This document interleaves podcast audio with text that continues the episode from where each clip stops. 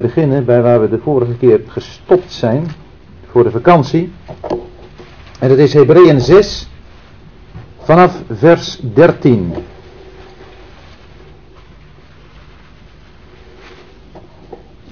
En ik lees tot en met hoofdstuk 7, vers 28. Ik doe dat uit de zogenaamde Telos-vertaling. Want toen God aan Abraham de belofte deed, zwoer hij, omdat hij bij geen meerdere kon zweren, bij zichzelf en zei: Zeker zal ik u rijk zegenen en zeer zal ik u vermenigvuldigen. En zo, door geduld te hebben, verkreeg hij de belofte. Want mensen zweren bij een meerdere en de eed is voor hen tot bevestiging het eind van alle tegenspraak. Daarom heeft God, omdat hij de erfgenamen van de belofte, de onveranderlijkheid van zijn raad overvloediger wilde bewijzen, zich met een eed verbonden, opdat wij door deze twee onveranderlijke dingen, waarin het onmogelijk is dat God zou liegen, een sterke vertroosting hebben. Wij die de toevlucht hebben genomen om de voorgestelde hoop aan te grijpen.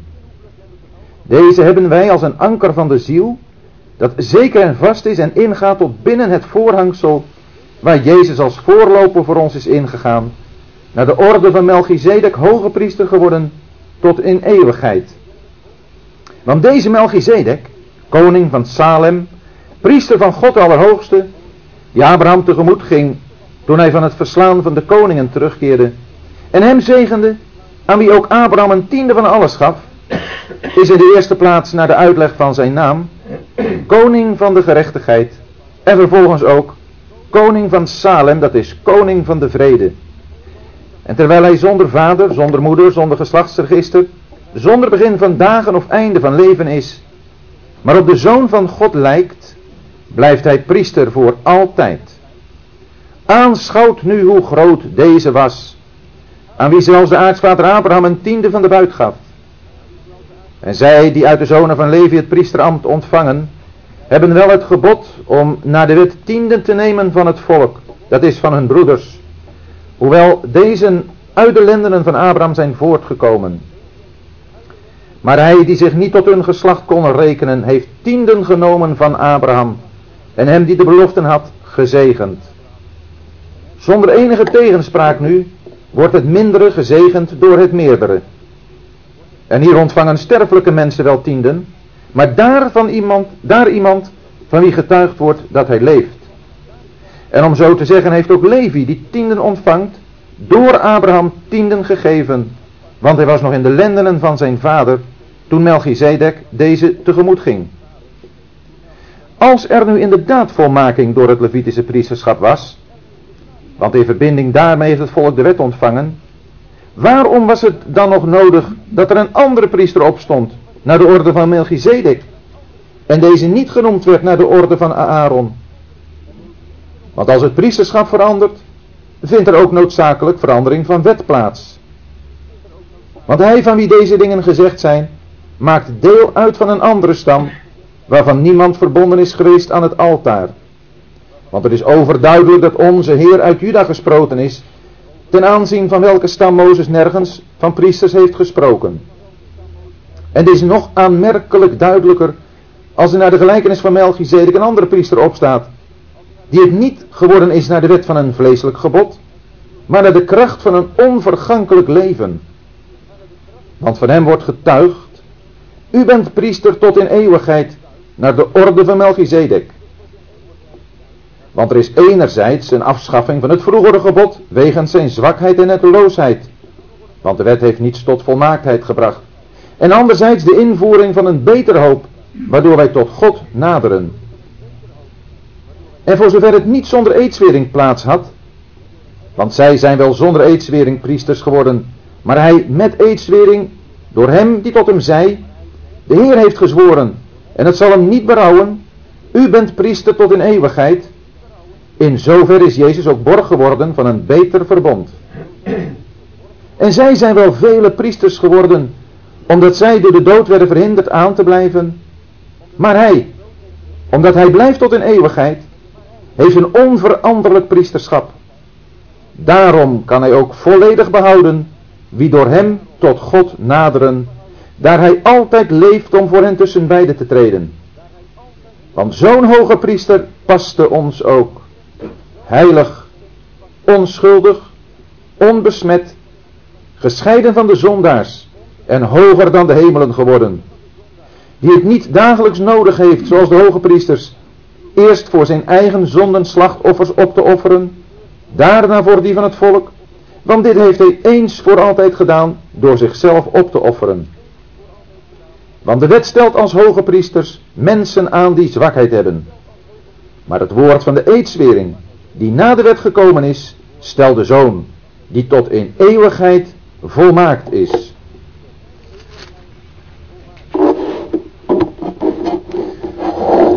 Ja, het is alweer even geleden dat wij hier bij elkaar waren en dat we met elkaar hebben nagedacht over dit prachtige gedeelte uit het woord van God, de brief aan de Hebreeën. En daarom zal het goed zijn om even kort onze herinnering wat op te frissen en nog weer eens even terug te roepen in onze gedachten waar het nu eigenlijk in deze brief om gaat. En ik denk dat we dat heel kort kunnen samenvatten door te zeggen, het gaat in deze brief in de eerste instantie om Joodse christenen die uit het Jodendom bekeerd waren geworden en tot geloof waren gekomen in de Heer Jezus. Als degene die de van God gezonde Messias was. En dat maakte hen tot verstotenen uit hun eigen volk. Hun volksgenoten wilden hen niet. Het was ook voor hen een moeilijke weg, want de tempel als zodanig stond er nog. De tempeldienst werd nog uitgeoefend. En deze mensen, die stonden in gevaar om teruggetrokken te worden in dat oude. Dat oude, wat notabene ook nog van God was. Dat wil zeggen wat God eens had ingesteld. Maar wat, doordat de Heer Jezus gekomen was, zijn betekenis als zodanig had verloren. En de schrijver van de brief, ongetwijfeld Paulus, die doet er alles aan om deze Joodse christenen hun hart, hun gedachten, hun hele wezen op de Heer Jezus te vestigen. En op de plaats waar Hij nu is. En dat is in de hemel. Deze Joodse christenen die waren vertrouwd met een toekomst voor hun volk. God had hun vele beloften gegeven. En waar waren nu die beloften nu de Heer Jezus weg was? Zouden ze nu allemaal moeten missen? Al die beloften van God aan zijn volk. Dat hen zou zegenen in het land. En zij? Zij waren verstoten, uitgeworpen.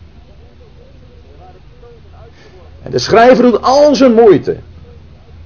Om hen in hun gedachten, in hun hart te richten op de Heer Jezus. Als degene in wie God al zijn beloften heeft opgevat. En dat alle beloften van God in hem, zoals 2 Korintiërs 1 aan het eind zegt, ja en amen zijn.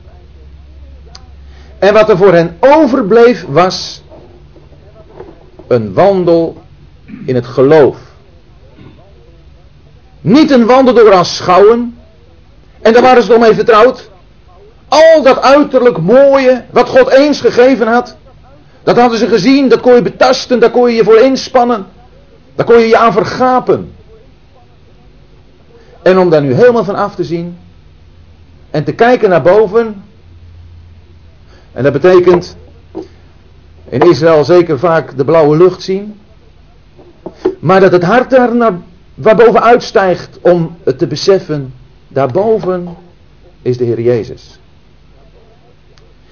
En dat is wat wij met deze Joodse christenen gemeen hebben. En waarom ook deze brief ook voor ons zo ontzettend veel bevat. Waar we ons aan kunnen optrekken. Want wij zijn net als deze christenen uit de Joden op weg naar de hemel. In Hebreeën 2 hebben we het gelezen dat de Heer Jezus de overste leidsman is en dat hij vele zonen tot heerlijkheid leidt. En ik hoop zo dat iedereen die hier zit zich mag rekenen tot die vele zonen. Dat iedereen hier zit mag weten, ik ben op reis. Ik wandel nooit door een woestijn heen, maar ik heb een doel. En dat doel, dat is verbonden met hem aan wie ik mijn hart en mijn hele ziel en zaligheid heb uitgeleverd. Dat is verbonden met de Heer Jezus. Ik zie hem niet, maar hij is er wel. Ik geloof. En de vorige keer hebben wij in hoofdstuk 6, waar we opgehouden zijn, gezien hoe de schrijver een verlangen uitspreekt in vers 11. Dat ieder van u tot het eind toe dezelfde ijver betoont, tot de volle zekerheid van de hoop. Opdat u niet traag wordt, maar navolgers van hen die door geloof en geduld de beloften beërven. Daar heb je het. Wij worden aangespoord te volharden, ons te beijveren, om ons uit te strekken naar die hoop. En daarbij zijn mensen ons voorgegaan. Wij mogen navolgers zijn van hen die door geloof en geduld de belofte beërven. En als je denkt aan geloof, wel de schrijver doet dat en ik denk velen van ons zullen dat doen. Wat is in het Oude Testament de man bij uitstek die door geloof wordt gekenmerkt? Dat is Abraham. Abraham is de man met wie geloof verbonden is. En daarom is het ook duidelijk dat de schrijver vanaf vers 13 het een en ander over Abraham gaat zeggen. Als een voorbeeld voor u, voor jou en mij. Want toen God aan Abraham de belofte deed, zwoer hij, omdat hij bij geen meerdere kon zweren, bij zichzelf. En zei, zeker zal ik u rijk zegenen en zeer zal ik u vermenigvuldigen. En zo door geduld te hebben, verkreeg hij de belofte. Als wij leven in geloof, en ik denk dat kunnen we op tal van situaties in de praktijk van ons geloofsleven ook toepassen. Als we een bepaald verlangen hebben, waarvan we zo verwachten en, en vurig hopen dat de Heer dat gaat geven, dan is een van de grote problemen die wij hebben geduld. Wij kunnen zo moeilijk wachten. En zeker als het natuurlijk gaat om alles wat God beloofd heeft in het Oude Testament ten aanzien van zijn aardse volk Israël. Maar ook waar wij naar uit mogen zien en wat we met zijn aardse volk zullen delen, maar dan vanaf de hemelse kant. Dat is dat de Heer Jezus hier op aarde zal regeren. Want daar gaat het in deze brief om. En zijn vrederijk van gerechtigheid en recht zal oprichten. Als je om je heen ziet wat een ellende er is. Dan hunker je ernaar dat de Heer Jezus het recht in handen zal nemen. En er zijn talloze persoonlijke toepassingen te maken als het gaat om leven in geloof. En het geduld dat wij daarbij hebben op te brengen, omdat de Heer niet altijd direct wat wij verlangen ons geeft. Maar als het gaat om deze dingen, de regering van de Heer Jezus, het toekomstig aardrijk dat aan Hem onderworpen zal zijn, dan zegt God, ik heb het beloofd, maar zegt God aan mij, ik zweer het met een eed dat dat gaat gebeuren. Als u hier zit en u gelooft in God en u gelooft in de Bijbel, dan zou u kunnen zeggen, ik vertrouw de Bijbel, ik vertrouw het woord van God. Als God iets gezegd heeft, is me dat voldoende. Maar God weet hoe moeilijk u en ik het kunnen hebben met dat voortdurend blijven vertrouwen en geloven in Hem. En God, die komt eraan tegemoet. Door zelfs zijn belofte met een eed te bekrachtigen. En een eed die hij zweert bij zichzelf. Iemand heeft dus gezegd, als God nou gezworen had bij de hemel en de aarde, dan had ik toch niet zo op die eed daarvan op aangekund. Want de hemel en de aarde kunnen gaan voorbij. Dat zou betekenen dat die eed van God ook voorbij gaat. Maar God heeft gezworen bij zichzelf. Bij de onveranderlijkheid van zijn persoon. Bij de macht en de heerlijkheid van wie hij is. En als hij dus bij zichzelf zweert, betekent dat een dikke onderstreping van die belofte. U en ik, wij hebben daardoor geen enkele reden meer om te twijfelen aan wat hij gezegd heeft dat hij gaat doen. En Abraham is daarvan het voorbeeld. Hij heeft de belofte gekregen door geduld te hebben. En om het nog een klein beetje duidelijker en ook nog wat dichter bij ons te brengen, staat er in vers 16 van mensen zweren bij een meerdere. En de eed is voor hen tot bevestiging, het eind van alle tegenspraak. Je kunt elkaar, als het goed is, op het woord nemen. Wij moeten betrouwbaar zijn. Als wij elkaar iets beloven, moet de ander daarvan op aankunnen. Maar goed, dan kunnen we in elk geval zo nog eens onze twijfels hebben. Maar als iemand een eed daarbij zweert, dan is het een vastgelegde zaak. Dan ga je er niet meer over praten. Dan is het zo. Dan neem je die persoon 100% op zijn woord. Nou, en zo heeft God het ook gedaan. Daarom heeft God, omdat hij de erfgenamen van de belofte, de onveranderlijkheid van zijn raad, overvloediger wilde bewijzen, zich met een eed verbonden. Omdat door deze twee onveranderlijke dingen, namelijk zijn woord, de belofte dus, en de eedswering, opdat door deze twee onveranderlijke dingen. En dan komt er nog iets. Het, het is om elk spoortje van twijfel weg te nemen. Ik vind dit zo ontzettend goed van God, mag ik het zo eens zeggen? Daarin komt God zo ons tegemoet in onze twijfelachtigheid. In onze neiging om toch wat te twijfelen aan zijn belofte. En dan zegt hij er nog extra bij, waarin het onmogelijk is dat God zou liegen, een sterke vertroosting hebben. God geeft een sterke vertroosting. Waarom staat die vertroosting? Omdat God weet dat u en ik dat nodig hebben. Wij zijn geen mensen die onbewogen, stoïcijns door allerlei problemen heen gaan en denken, God is te vertrouwen, het komt allemaal wel goed. Of er moeten hier een paar superchristenen zitten, ik weet het niet. Maar bij mij is het in elk geval niet zo. Ik kan alleen maar, als ik dit lees, God danken. Voor zijn overvloed aan bewijzen. Aan zijn overvloedig ons tegemoetkomen. Door te zeggen, moet je luisteren, zo ben ik. En ik wil jullie hiermee troosten. Ik weet wel hoe moeilijk jullie het hebben. God is niet voor niets 40 jaar lang met zijn volk door de woestijn getrokken. Hij weet wel hoe mensen zijn die onderweg zijn naar iets wat hij beloofd heeft.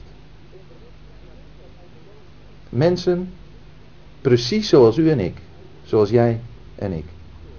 En God komt daar een aan tegemoet. En vertroost ons. Zie je het wel eens niet zitten? Grijp je vast aan wat God gezegd heeft. Aan zijn eed. Aan dat wat hij gezegd heeft waarbij hij niet kan liegen. Onmogelijk. En je krijgt troost. Wij die de toevlucht hebben genomen om de voorgestelde hoop aan te grijpen. Dat is natuurlijk wat erachter ligt. Het wordt hier tegen mensen gezegd die een toevlucht hebben genomen tot een voorgestelde hoop. Dat dat vraagt iets van, van uzelf, van jou, van mij. Waarom geloven wij? Waarom hebben wij ons toevertrouwd aan de Heer Jezus? Waar was het voor? Is het alleen maar omdat het misschien wel een aardig gevoel geeft? Vanwege die aardige mensen misschien wel, die daar in die, uh, groepering zitten? Om je godsdienstig gevoel misschien een beetje te bevredigen? Of heb je je gerealiseerd dat als je niet de toevlucht tot de Heer Jezus neemt. En daarmee tot alles wat God in zijn raad heeft besloten en in hem heeft verankerd. Dat je dan voor eeuwig verloren zal gaan, naar de hel zal gaan. Als je die toevlucht hebt genomen tot die voorgestelde hoop. Dan mag je weten dat je een anker hebt van je ziel. Zeker en vast. En dat ingaat tot binnen het voorhangsel. Als je dit stukje leest van, van eh, hoofdstuk 6 vers 13 tot, tot 20, dan, en je laat het eens goed op je inwerken, dan, dan is het eigenlijk niet meer mogelijk te twijfelen. Dan heb je een anker voor je ziel. En dat anker dat is zeker en vast. Dat is uitgeworpen in het, binnen het voorhangsel. Dat is dus in het heiligdom. Onze hoop is verbonden met de hemel, met een plek daar binnen in het heiligdom. In verbinding met de persoon die daar is, want er is een voorloper, Jezus. Die is daarin naar binnen gegaan. Dat is ons anker. Een hoop verbonden met hem, die binnengegaan is als voorloper binnen het heiligdom achter het voorhangsel. Dat was voor de Joden ook iets totaal nieuws, die gedachte aan voorloper. In het tabernakel, want daar doet natuurlijk de voorhang aan denken, daar mocht een priester, de hoge priester, één keer in het jaar in het heilige der heiligen komen, door het voorhangsel heen. Daar mocht hij dan komen, alleen ook nog maar als hij daar met bloed binnenkwam. Maar hij was daar geen voorloper. Hij deed het alleen. En hij kwam er ook weer uit. Maar de Heer Jezus is het heiligdom binnengegaan. Als een voorloper. Waarna massa's die hem volgen ook binnen mogen komen. U en ik. Omdat hij daar is. Zullen wij er ook komen. Het doet denken aan Johannes. Aan Johannes 14. Maar we lezen dat de Heer Jezus heeft, ik ga heen tot de Vader. Om uw plaats te bereiden. En als ik heen gegaan ben en uw plaats bereid heb, dan kom ik weer. En dan zal ik u tot mij nemen. En dan mag ook u zijn waar ik ben. En dat gaat gebeuren als die Jezus terugkomt. Maar wat we hier hebben, dat is, en mag nu al realiteit voor ons zijn. Hij is naar binnen gegaan. En dat is een anker voor onze ziel. Het is al zo voorgesteld dat als een groot schip de haven binnen moet lopen, dan neemt een klein bootje het anker van dat schip mee, de haven in, gooit het daar in de haven, in de grond, en dat schip dat trekt zichzelf aan het anker zo naar binnen. En zo is het ook met ons. Het anker, dat ligt er al. De Heer Jezus, de voorloper, is er al. En hij, hij trekt ons naar binnen. En hij is ons daar voorgegaan naar de orde van Melchizedek, hoge priester geworden tot in eeuwigheid. Het is schitterend om eraan te denken dat de Heer Jezus als voorloper daar is. En het is schitterend om te denken dat de Heer Jezus daar nu is als hoge priester naar de orde van Melchizedek. En Paulus heeft daar al iets eerder in hoofdstuk 5 over gezegd. Maar nu gaat hij in hoofdstuk 7 daar nog eens uitvoerig op in. Hoe dat nu zit met het hoge priesterschap naar de orde van Melchizedek. Als u een klein beetje bekend bent met het Oude Testament en met de eredienst van Israël, dan is de naam Aaron geen vreemde naam. En dan weet u dat dat de hoge priester was, die functioneerde te midden van het volk Israël. En Aaron, dat was een man die, zoals gezegd, eenmaal in het jaar het heiligdom binnengaan, ging om daarvoor de zonden van het volk verzoening te doen. Het was een man die te maken had met de zwakheden en de zonden van het volk. Hij vertegenwoordigde het volk bij God. Nu is de Heer Jezus in die zin ook onze hoge priester. We hebben daar aan het eind van Hebreeën 4 bij stilgestaan. Omdat we weten dat Hij een hoge priester is die met onze zwakheden kan meeleiden. Hij weet precies wat u en ik meemaken. Onze problemen, onze moeiten, kent Hij. En Hij wil ons ondersteunen. En dan is hij net als Aaron, die daar de twaalf namen van de Israëlieten op zijn borst had. En de twaalf namen van de Israëlieten op zijn schouders had. Als om aan te geven. Aaron staat daar in het heiligdom voor God. Om daar het volk in zijn totaliteit te vertegenwoordigen. Met al de liefde van zijn hart.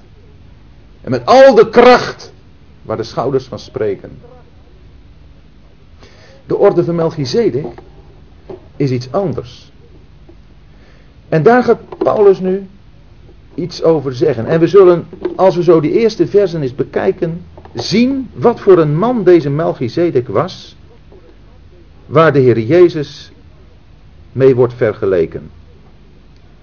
Want deze Melchizedek, koning van Salem, priester van God de Allerhoogste, die Abraham tegemoet ging, toen hij van het verslaan van de koningen terugkeerde en hem zegende. Aan wie ook Abraham een tiende van alles gaf, is in de eerste plaats aan de uitleg van zijn naam koning van de gerechtigheid en vervolgens ook koning van Salem, dat is koning van de vrede. En terwijl hij zonder vader, zonder moeder, zonder geslachtsregister, zonder begin van dagen of einde van leven is, maar op de zoon van God lijkt, blijft hij priester voor altijd. Deze eerste drie versen vormen één geheel. En zij stellen ons Melchizedek voor in het geschiedkundige raam van zijn optreden. Hij komt er twee keer voor in het Oude Testament. In de geschiedenis, waar de schrijver hier naar verwijst, en dat is in Genesis 14. En in Psalm 110, waar heel duidelijk deze Melchizedek gezien wordt in verbinding met de Heer Jezus als de Messias die over het vrederijk zal regeren. Melchizedek. We moeten ons even terug verplaatsen naar die geschiedenis. Abraham, die uh, heeft daar gehoord hoe daar een oorlog was tussen vijf koningen en vier koningen. Waarbij ook zijn neef Lot betrokken was. En Lot is gevangen genomen. En Abraham gaat erachteraan. Dat levert strijd op. En als ik het eh, goed begrepen heb, dan heeft hij een behoorlijk poosje nog daarvoor onderweg moeten zijn. En natuurlijk, er is resultaat. Lot wordt bevrijd. Met degenen die toen gevangen genomen waren. Ook van de koning van Sodom. En dan komt Abraham terug. Met wat hij allemaal heeft bevrijd. En wie is er naar hem onderweg? Dat is de koning van Sodom. Met een heel listig voorstel. De koning van Sodom namelijk wil Abraham voorstellen. Joh, geef mij de mensen maar weer terug die jij bevrijd hebt. En als beloning voor die bevrijding mag jij de spullen hebben. Maar voordat die ontmoeting plaatsvindt, komt daar deze merkwaardige figuur Melchizedek. En hij komt met zegen. En dat is een van de bijzondere kenmerken van deze Melchizedek. Melchizedek zegent. Dat heeft niet zozeer met zwakheid te maken, met ondersteuning. Hoewel natuurlijk van deze Melchizedek, als het naar Abraham toe gaat, daar brood en wijn zijn om Abraham te versterken en te verkwikken, is tot de hoofdgedachte dat hij zegent. En hij komt bij Abraham met zegen van God de Allerhoogste. God de Allerhoogste. Dat betekent God als degene die boven alles staat. De Allerhoogste, dat is de naam van God in het vrederijk. Als de Heer Jezus over alles zal regeren. Zo komt deze Melchizedek bij Abraham. En deze Melchizedek prijst God en zegent Abraham. Dat is een geweldige bemoediging voor Abraham. Een geweldige verkwikking. En Melchizedek gaat weg. En dan komt de koning van Sodom. En Abraham weigert alles van de koning van Sodom. Geen schoenering, geen draad wil ik hebben, zegt hij. Opdat niet gezegd kan worden. De koning van Sodom heeft mij rijk gemaakt. Maar hoe kwam Abraham ertoe om dat te zeggen? Omdat hij net de ontmoeting met deze Melchizedek had gehad. En weet u, als u en ik in verleiding komen. Als de verzoekingen heel sterk op ons afkomen. Dan is de enige manier om nee te zeggen. En niet op die directe bevrediging van onze behoeften in te gaan. Dat we ons realiseren, er is een Melchizedek. Die kan ons versterken. Die wil ons zegenen. Met hem ben ik verbonden. En hij doet dat namens God de Allerhoogste. Wat heb ik van deze wereld nodig? Waardoor de wereld een claim op mij zou kunnen krijgen. Als ik verbonden ben met God de Allerhoogste. Dan heb ik daar niets van nodig. En wil ik er ook niets van. U en ik, wij kunnen alleen. Jij en ik, wij kunnen alleen nee zeggen tegen de aanbiedingen in de verlokkende zin van het woord die de wereld ons doet als wij een ontmoeting hebben gehad met de Heer Jezus, van wie deze Melchizedek een schitterend voorbeeld is. We hebben dat gelezen. Hij lijkt op de Zoon van God. En ik hoop zo dat u en ik die ontmoetingen, ja ik zou zeggen regelmatig, maar dat klinkt ook nog zo beperkt. Dat uw leven aan elkaar hangt van ontmoetingen met Melchizedek, met de Heer Jezus. Met Melchizedek, die naar de betekenis van zijn naam is in de eerste plaats koning van de gerechtigheid. En vervolgens ook koning van de vrede. Daarom heeft deze Melchizedek als voorstelling van de Heer Jezus ook de gedachte bij zich aan regering in het vrederijk. Dan weten we als we aan Melchizedek denken, dat we dan kunnen denken aan de Heer Jezus als degene die hier op aarde zal regeren die echt tot werkelijkheid zal laten worden. Wat hij gezegd heeft, dat heeft eens opgestaan. Mij is gegeven alle macht in hemel en op aarde. En dan mogen we weten wat we in Efeziërs 1 lezen. Dat in de volheid van de tijden, dat God alles aan hem zal onderwerpen. Alle dingen die de hemel en die op de aarde zijn. Het is met de vraag, leeft dat voor ons? Is dat nou echt waar? Of, of zitten we elkaar maar gewoon een klein beetje wat dingen voor te houden? Houdt God ons ook maar een paar van die aardige dingen voor om ons een beetje zoet te houden? Of is dit de realiteit van ons leven? Weten we zeker dat het hierop afgaat? Koning van de gerechtigheid is in de eerste plaats, naar de betekenis van zijn naam. Want alleen door de uitoefening van het recht zal hier op aarde vrede kunnen komen. Alleen wanneer al ongerechtigheid zal zijn verzameld en zal zijn weggedaan, kan er vrede komen. Dat is de volgorde. Dus de volgorde ook het leven van ieder persoonlijk. Alleen als op een rechtvaardige wijze met onze zonden is gehandeld en we dat erkennen. Dus we weten, mijn zonden zijn geoordeeld door God. Toen de Heer Jezus mijn zonden droeg. Als je dat accepteren mag, dan heb je vrede. Wij dan, gerechtvaardigd, op grond van geloof, hebben vrede met God. Zo we het in Romeinen 5 vers 1. Deze Melchizedek, dat is een man een koning van de vrede, koning van Salem, die in de Bijbel voorkomt zonder dat er iets verteld wordt over zijn vader, zijn moeder of een geslachtsregister. Melchizedek als persoon had natuurlijk een vader en een moeder. En heeft natuurlijk een geslachtsregister. Maar er wordt in de Bijbel helemaal geen melding van gemaakt. En waarom niet? Vanwege de bijzondere gelijkenis daardoor met de Heer Jezus als priester naar de orde van Melchizedek.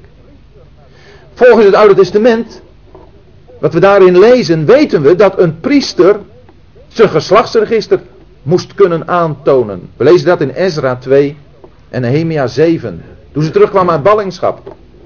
Toen konden ze pas hun priesterdienst uitoefenen als ze konden aantonen tot het priestelijk geslacht te behoren. Belangrijk was een geslachtsregister. Maar deze had dat niet. Omdat dat zo bij de Heer Jezus niet was. Zonder begin van dagen of einde van leven. De man komt plotseling op het toneel en verdwijnt even plotseling weer van het toneel. En we vinden hier in deze eerste versen dan ook op zich aardig wat algemene aanwijzingen over het bestuderen van de Bijbel. Dat betekent niet dat we onze fantasie moeten loslaten, daarop moeten loslaten. Onze fantasie moeten we wel loslaten natuurlijk.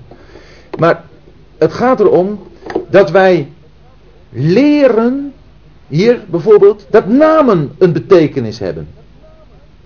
Is naar de uitleg van zijn naam in de eerste plaats koning van de gerechtigheid. Vervolgens ook koning van Salem, dat is koning van de vrede. Namen hebben een betekenis. En we kunnen hier ook leren uit dingen die er niet gezegd worden. En in dit geval, zoals gezegd, is het om duidelijk te maken dat deze Melchizedek, we daarin een illustratie vinden van de Zoon van God die priester is voor altijd. Aanschouwt nu hoe groot deze was, staat er in vers 4. En daarom is het zo goed om ons een weinig te realiseren, voor zover ons dat mogelijk is, wat een unieke persoon deze Melchizedek is. En de grootheid daarvan te zien. En ook een beetje in onze gedachten te houden dat de schrijver dit allemaal zegt tegen Joodse christenen. Die in de eerste plaats los moesten komen van een aardse godsdienst. Een hele eredienst die door God was ingesteld. En dat zij moesten gaan kijken naar iemand die ze nu niet zagen. Maar in wie ze geloofden.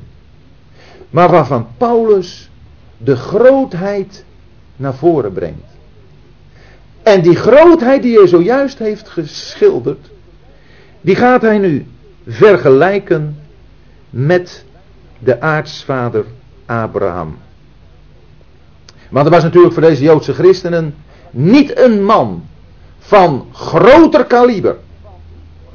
Een man met wie ze zich liever identificeerden dan deze Abraham. Abraham, dat was hun één en al. Kinderen van Abraham te zijn, dat was het. Maar, aanschouw nu hoe groot deze was, aan wie zelfs de aartsvader, het staat er nog zo echt om te beklemtonen bij, hè, hoe groot ook Abraham was. Er was een aartsvader, de aartsvader Abraham. Maar de aartsvader Abraham, die gaf aan deze Melchizedek een tiende van de buit. Dat betekent dat Abraham in deze Melchizedek zijn meerdere zag. En zij die uit de zonen van Levi het priesterambt ontvangen, hebben wel het gebod naar de wet tienden te nemen van het volk, dat is van hun broeders, hoewel deze uit de lendenen van Abraham zijn voortgekomen. Dus niet alleen Abraham, maar zegt de schrijver, we gaan even naar wat nageslacht van Abraham, en dat zijn de Levieten, die hebben in wezen tienden ontvangen, maar dan op grond van een gebod. De Levieten waren Israëlieten. Net zoals hun andere broeders. Goed, ze waren een speciale stam, een bijzondere familie te midden van dat geheel. Maar dat was dan ook alleen maar omdat God dat zo had bepaald. En omdat er een gebod door God gegeven was, moest aan de Levieten de tienden worden gegeven. Maar aan Abraham was helemaal geen gebod gegeven om tienden te geven. Abraham was onder de indruk van de grootheid van deze Melchizedek. Zien jullie nu wel, Joodse christenen, hoe groot die Melchizedek was? Dat die geweldige voorvader van jullie, waar jullie zo op beroemen, Abraham, de aartsvader Abraham, daar de tienden aan gaf, gewoon omdat hij daar onder de indruk van was. Maar hij, die zich niet tot hun geslacht kon rekenen, heeft tienden genomen van Abraham en hem die de belofte had gezegend. De schrijver die doet alles om de Joodse christenen ervan te overtuigen wie deze Melchizedek is als een, een weerspiegeling, om het zo te zeggen, van de Heer Jezus. Een grootheid die eigenlijk alleen maar geweldiger wordt als je ziet hoezeer Abraham verdwijnt bij deze grootheid. En zoals gezegd, Abraham, dat was de man voor de Joden. Hè? Dat was de man. Melchizedek, die heeft niet gezegd tegen Abraham, Abraham, dat moet je niet doen joh. Jij bent veel groter dan ik. Nee. Hij heeft het genomen van Abraham. Maar dat niet alleen. Hij heeft Abraham ook gezegend. En ongetwijfeld. Zonder enige tegenspraak. Nu wordt het mindere gezegend door het meerdere. Dat is, dat is altijd zo. Wie zegent, is meer dan wie gezegend wordt. Zegen geven duidt op een hogere positie. Heeft Abraham gezegend. En welke Abraham? Abraham aan wie de beloften gegeven waren. Hem die de beloften had, heeft hij gezegend. Dus niet zomaar Abraham, maar Abraham als de bezitter van al de beloften van God dan kan het niet anders. Of deze Melchizedek steekt torenhoog boven Abraham uit. Dus Joodse christenen, kijk naar boven. Kijk naar hem die, op, die de zoon van God is. Maar hij is nog niet uitgeput met zijn beschrijving van de grootheid van deze Melchizedek. En hier ontvangen sterfelijke mensen wel tienden, maar daar Iemand van wie getuigd wordt dat hij leeft. Oh, daar komen we ook dadelijk nog wel over te spreken, maar alvast hier een enorme bemoediging. We hebben te maken met iemand die leeft. En wel iemand die leeft tot in eeuwigheid. Niet iemand die opgevolgd wordt. Iemand die sterft. Waarbij zijn functie voorbij is. En vervangen wordt door een ander. Nee, iemand die leeft. En om zo te zeggen heeft ook Levi die tienen ontvangt door Abraham tienen gegeven. Want hij was nog in de lendenen van zijn vader toen Melchizedek deze tegemoet ging.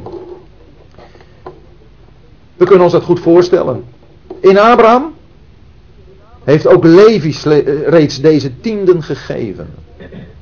En vandaar dat in dit gedeelte van 1 tot en met 10 van hoofdstuk 7 ons hier voorgesteld wordt de verhevenheid van Melchizedek boven het Aaronitische priesterschap.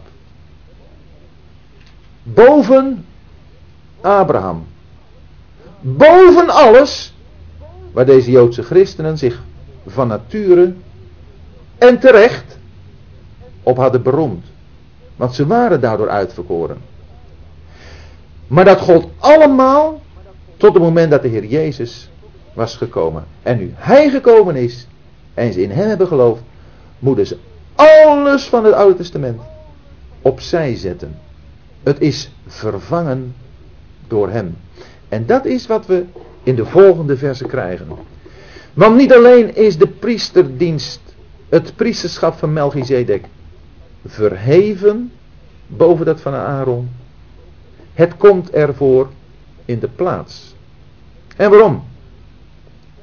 Omdat dat priesterschap van Aaron, het Levitische priesterschap, niets tot volmaaktheid kon brengen.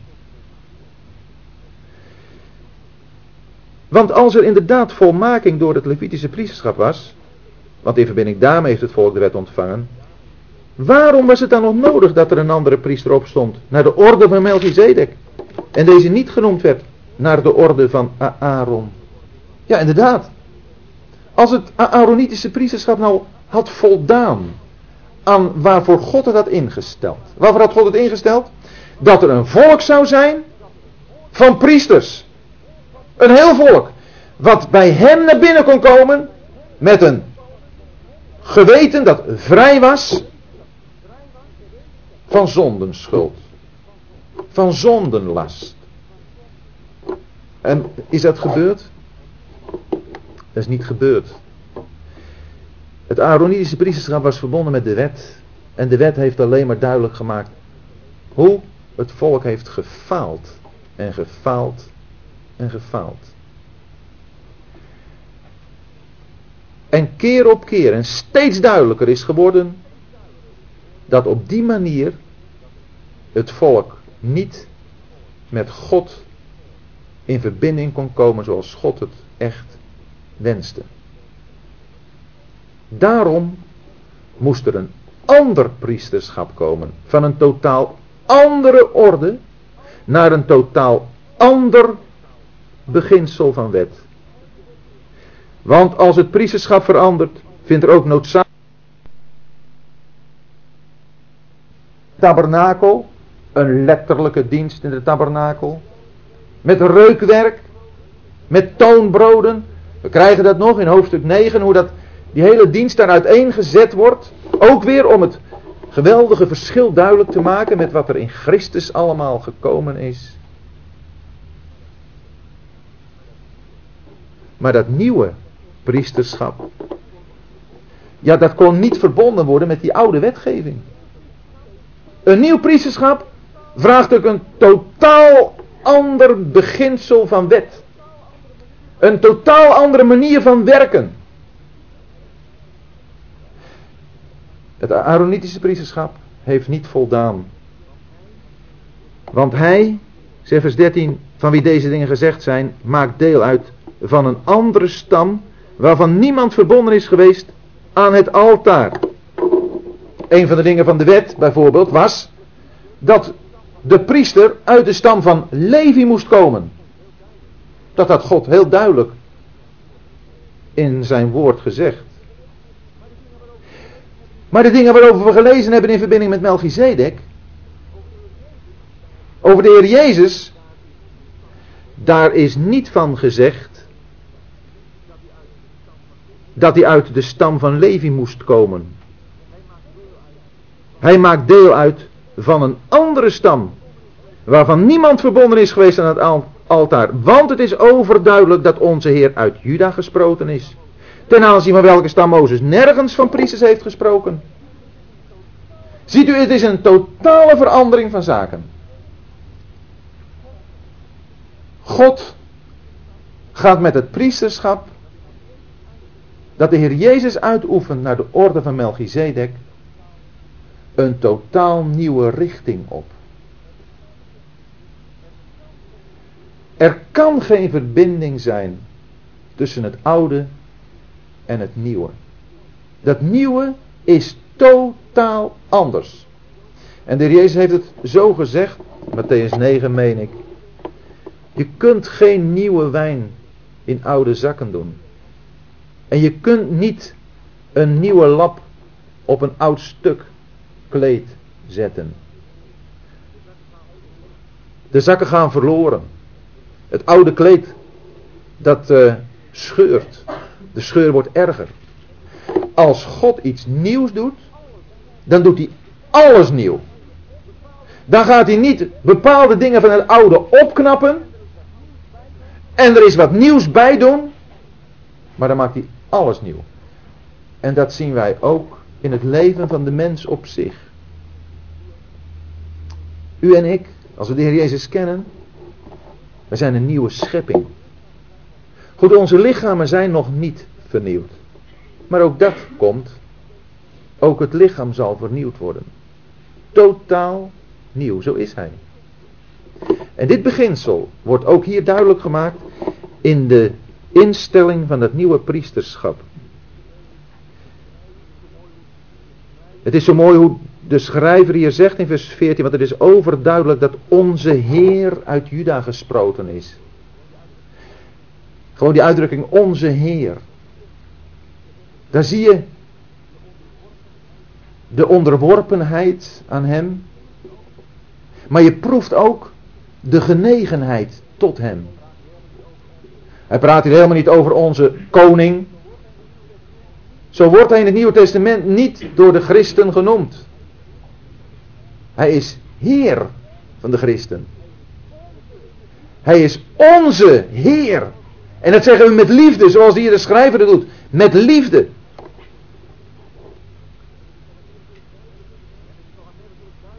En het is nog aanmerkelijk duidelijker. Als er naar de gelijkenis van Melchizedek een andere priester opstaat. Die het niet is geworden naar de wet van een vleeselijk gebod. Maar naar de kracht van een onvergankelijk leven. Want van hem wordt getuigd. U bent priester tot in eeuwigheid naar de orde van Melchizedek. Hier zien we weer hoe er iets totaal nieuws gekomen is. Niet op grond van een vleeselijk gebod. En dat heeft niet te maken met ons zondige vlees. Maar een natuurlijk gebod. Wat zijn effect heeft in de verhoudingen, de aardse verhoudingen. Maar het is een priester die het is geworden naar de kracht van een onvergankelijk leven. En weer wordt Psalm 110 aangehaald. En nu met de beklemtoning dat hij een priester is tot in eeuwigheid. Ook dit is iets wat, ja daar moet je over nadenken, moet je op je laten inwerken. Wat groot is, dat hij priester is tot in eeuwigheid. Daar komt aan zijn priesterschap geen einde, maar het is ook een onveranderlijk, een onvergankelijk priesterschap. Het gaat nooit voorbij. Het boet nooit aan waarde in. Het blijft in al zijn glorie voor ons staan. Daar mogen we ons weer aan optrekken. Want er is enerzijds een afschaffing van het vroegere gebod wegens zijn zwakheid en nutteloosheid. Want de wet heeft niets tot volmaaktheid gebracht. En anderzijds de invoering van een betere hoop waardoor wij tot God naderen. Hier wordt, en dat was op zich een, een heel onderwerp, maar in een enkele zin gezegd dat de wet niets tot volmaaktheid heeft gebracht en daarom is afgeschaft. Ligt het aan de wet?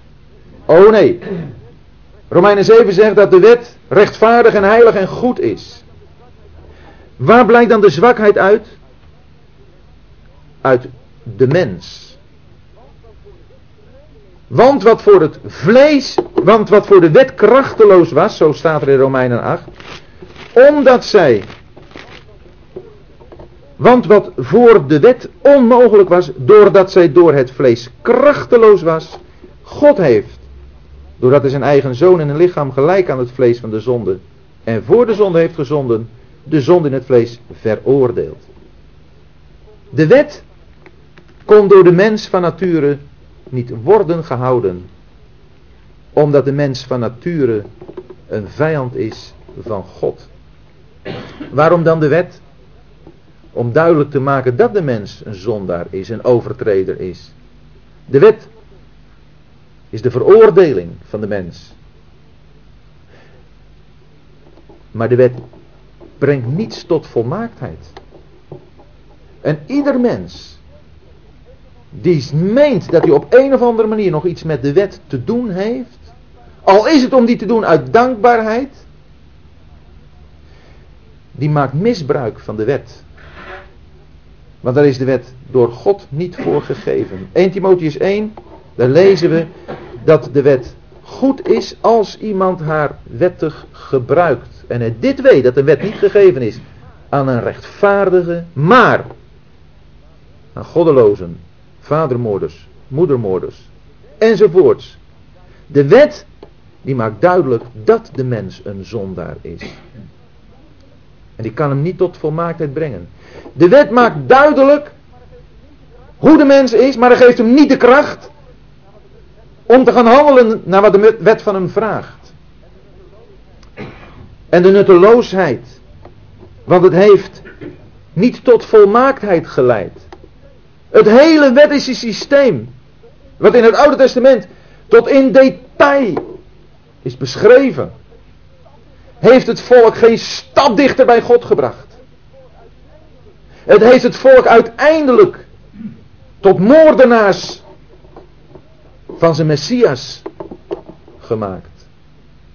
Dat is wat er in de mens tot uiting komt als hij te maken krijgt als natuurlijk mens met de geboden van God. Nutteloos. En wat is het dan iets schitterends om aan de andere kant de invoering van een betere hoop te hebben, waardoor wij tot God naderen. Niet de wet is de grondslag waarop wij voor God staan, want dat betekent veroordeling. Maar het is die betere hoop, waar we van gelezen hebben aan het eind van hoofdstuk 6, waar, toen we de toevlucht hebben genomen, en die ons de toegang tot God heeft geopend. De invoering van een betere hoop. Waarom een betere hoop? Omdat er een hoop is verbonden met de hemel. Omdat er een hoop is verbonden met de Heer Jezus. Omdat er een hoop is die niet verbonden is met iets in onszelf. Met iets van onze eigen prestaties. Want dan redden we het nooit. Maar het is alles verbonden met Christus. Die betere hoop. Waardoor wij tot God naderen. De wet had een gesloten voorhang. Door die betere hoop weten we dat de Heer Jezus tot binnen het voorhangsel is ingegaan. En we lezen het in hoofdstuk 10. Dat wij hem mogen volgen. Door die nieuwe en levende weg. Door het voorhangsel heen. Waar we nu als een schare van aanbidders voor God mogen staan. Ja, dat is echt ongekend. En maken we er gebruik van? Realiseren wij ons dat geweldige voorrecht? Maar er is nog iets. En voor zover het niet zonder eedswering plaats had, want zij zijn wel zonder eedswering priesters geworden, maar hij met eedswering, door hem die tot hem zei, de Heer heeft gezworen en het zal hem niet berouwen, u bent priester tot een eeuwigheid, in zover is Jezus ook borg geworden van een beter verbond. Nee, met het oog op het oude testamentische priesterschap heeft God nergens iets met een eed nog eens bevestigd. God had het gezegd en zo geregeld. Een eedswering zou ook een duur hebben gehad waaraan geen einde zou zijn gekomen. Het maakt duidelijk dat wat het Oude Testament betreft alles tijdelijk was. Onvolkomen. Maar de Heer Jezus, hij is met eedswering door God tot priester gemaakt. Tot priester benoemd. U bent priester tot een eeuwigheid. En de Heer heeft gezworen en het zal hem niet berouwen. En dat in verbinding met een nieuw, een beter verbond. Wel, dat betere verbond, het nieuwe verbond, daar komen we in hoofdstuk 8 nog uitvoeriger over te spreken. Hier wordt het even genoemd als die nieuwe orde van zaken. Maar waar het om gaat is dat de Heer Jezus borg is geworden. We hebben het woord van God, we hebben de beloften, we hebben de eedswering en we hebben zelfs een borg.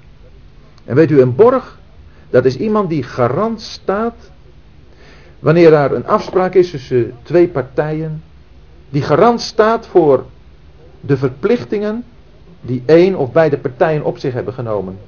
Dat wanneer de een of de andere partij of beide partijen niet aan die verplichtingen kunnen voldoen, dat de borg daaraan voldoet. En niet alleen maar dat hij zegt van nou ik zal het wel doen, maar hij heeft ook de mogelijkheid. Hij kan het ook. Nou en dat is nog weer eens een extra bekrachtiging, een extra bemoediging van Gods wegen. Om deze Joodse christenen, maar ook ons, te zeggen, het is allemaal zo volkomen door mij geregeld. In verbinding met dat priesterschap van Melchizedek, dat mijn zoon uitoefent, dat jullie je helemaal met dat aardse priesterschap niet meer hoeven in te laten. Probeer er ook niet een mengvorm voor te bedenken. Alles ligt verankerd in mijn zoon, die ik tot priester heb gesteld. En zij zijn wel vele priesters geworden omdat zij door de dood werden verhinderd aan te blijven. Maar hij, omdat hij blijft tot in eeuwigheid, heeft een onveranderlijk priesterschap. Ja, dan zit je met je problemen. En dan ga je naar zo'n priester toe. En je vertelt hem alles. Nou, en hij is heel begripvol natuurlijk. Want hij heeft medelijden met zwakheden. En hij treedt tussen beiden voor jou bij God. En je komt de volgende keer. Staat er eens een andere priester. Ja, die vorige is gestorven. Kun je hele verhaal opnieuw gaan vertellen? En je weet maar niet wat voor soort man dat is. Nou, in de hulpverlening heb je dat ook. Het grote probleem is dat je steeds met je verhaal naar een ander toe moet. Steeds weer andere benaderingen krijgt. Zul je niet meemaken. Hij blijft tot in eeuwigheid. Heb je één keer je verhaal verteld? Mag ik de volgende keer weer doen? En je mag het weer doen. Heb je het moeilijk? Vertel het hem. En je vertelt het hem niet te vaak. Hij luistert. En je mag steeds meer vertellen. Totdat je je helemaal leeggegeven hebt. En hij helpt je. Omdat hij blijft tot in eeuwigheid, heeft hij een onveranderlijk priesterschap. Hij is niet wispelturig in zijn omgang met u en mij. Wij zijn wispelturig. Wij begrijpen hem misschien niet altijd zo goed. Maar hij is onveranderlijk. En die onveranderlijkheid die uit zich hierin. Dat hij zo met ons bezig is. Dat hij ons vormt en klaarmaakt om bij hem te komen. Daarom kan hij ook volledig behouden wie door hem tot God naderen. Het is een schitterend woord dit. En dat heeft, denk ik, nog niet in de eerste plaats te maken met onze zwakheden. Daar mogen we het op toepassen, jazeker. Hij kan ons volledig behouden. Wat wil zeggen, hij neemt ons heel die weg mee. Als wij het eind soms wel eens niet meer zien, als we niet meer weten hoe we moeten, hij houdt het einddoel in de gaten en hij behoudt ons volkomen tot het einde toe. Hij ziet het einddoel wel en hij ondersteunt ons. Maar hier gaat het er denk ik vooral om dat hij ons behoudt, dat hij ons volkomen behoudt tot het einde. Dat het einddoel voor u en mij is dat wij echte aanbidders zullen worden. Dat wij het heiligdom zullen kunnen binnengaan om daar voor God te staan. Zeker, Hebreeën 4 zegt ons dat wij tot de troon van de genade mogen naderen om hulp te krijgen. Maar hier gaat het er vooral om dat we tot God naderen om Hem te prijzen. En die beide aspecten, die zijn zo belangrijk en zo mooi. En zo waardevol voor u en mij en voor God. Want Hij leeft altijd om voor hen tussen beiden te treden. Hij leeft altijd. S'nachts wel eens wakker? Geplaagd door zorgen en verdriet? Hij is altijd wakker. Hij leeft. En hij is erbij. Prijzen. In de nacht. Hij is er. En hij ondersteunt daarbij. Overdag hem prijzen. Hij is er. Altijd leeft hij om voor u en mij tussen beiden te treden. Altijd is hij bij u en mij betrokken. Geen moment zijn we uit zijn aandacht. Hij leeft. De heilige Israëls slaapt nog sluimert. Hij is er. Daarom kan hij dat. Want zo'n hoge priester paste ons ook. Heilig, onschuldig, onbesmet, gescheiden van de zonde en hoger dan de hemelen geworden. Zijn hoge priesterlijke kwaliteiten en de positie die hij inneemt, dat past helemaal bij wie u en ik zijn. Wij zijn heilig door God, verklaard door het werk van de Heer Jezus. En we zijn onschuldig, van onszelf niet, maar door zijn werk. We zijn onbesmet. God ziet geen zonde meer in ons. Gescheiden van de zondaars. Zo zijn we met hem verbonden. Hij die daar nu is. En hij is hoger dan de hemelen geworden. Daar is hij. Zo'n hoge priester past ons. Weet u dat sluit naadloos op elkaar aan. Als we naar onze eigen praktijk kijken, dan hebben we daar wel eens moeite mee. Wel eens een heleboel moeite mee. Maar het is ook zo belangrijk om te kijken naar hoe God ons ziet. God ziet u en mij als zijn volk hier op aarde, als degenen die bij hem horen en helemaal geschikt gemaakt zijn voor zijn tegenwoordigheid. Volmaakt gemaakt. De Heer Jezus is niet alleen zelf volmaakt, heeft niet alleen een volmaakt werk volbracht, maar hij heeft ook alles volmaakt wat met hem in verbinding staat. Anders staat het niet met hem in verbinding. En wanneer we hier op aarde nog moeilijkheden en problemen hebben, dan komt hij bij ons, want dan kent hij die uit ervaring. Zo één past helemaal bij u en mij. Zeg niet, hij is te hoog, hij is te verheven. Hij is verheven, hij is hoog. En hij is zo laag, zo dichtbij, dat hij voor u en mij altijd leeft om voor ons tussen beiden te treden. Hij heeft het niet nodig. Dagelijks, zoals de hoge priesters, eerst voor zijn eigen zonden slachtoffers op te offeren, daarna voor die van het volk. Want dit heeft hij eens voor altijd door zichzelf gedaan. Gedaan door zichzelf op te offeren. Dat is de grondslag. Waar blijven u en ik? Daar hebben we helemaal niks mee te maken. In die zin, daar staan we helemaal buiten. Hij heeft het gedaan. En alles wat in het Oude Testament, al die hoge priesters die daar waren, ja, die moesten het ook voor zichzelf doen. Want ze waren zondige mensen. Maar hij niet. Hij heeft het eens voor altijd gedaan. Door zichzelf op te offeren. Die geweldige basis gelegd. Die nooit veranderen kan. Die door nooit niets aan te tasten. Want de wet, en het is als het ware een conclusie, een, een slotwoord van de apostel. Want de wet stelt als hoge priesters mensen die zwakheid hebben. Maar het woord van de eedswering die na de wet gekomen is, stelt de zoon die tot in eeuwigheid volmaakt is. Wat wensen we nog meer?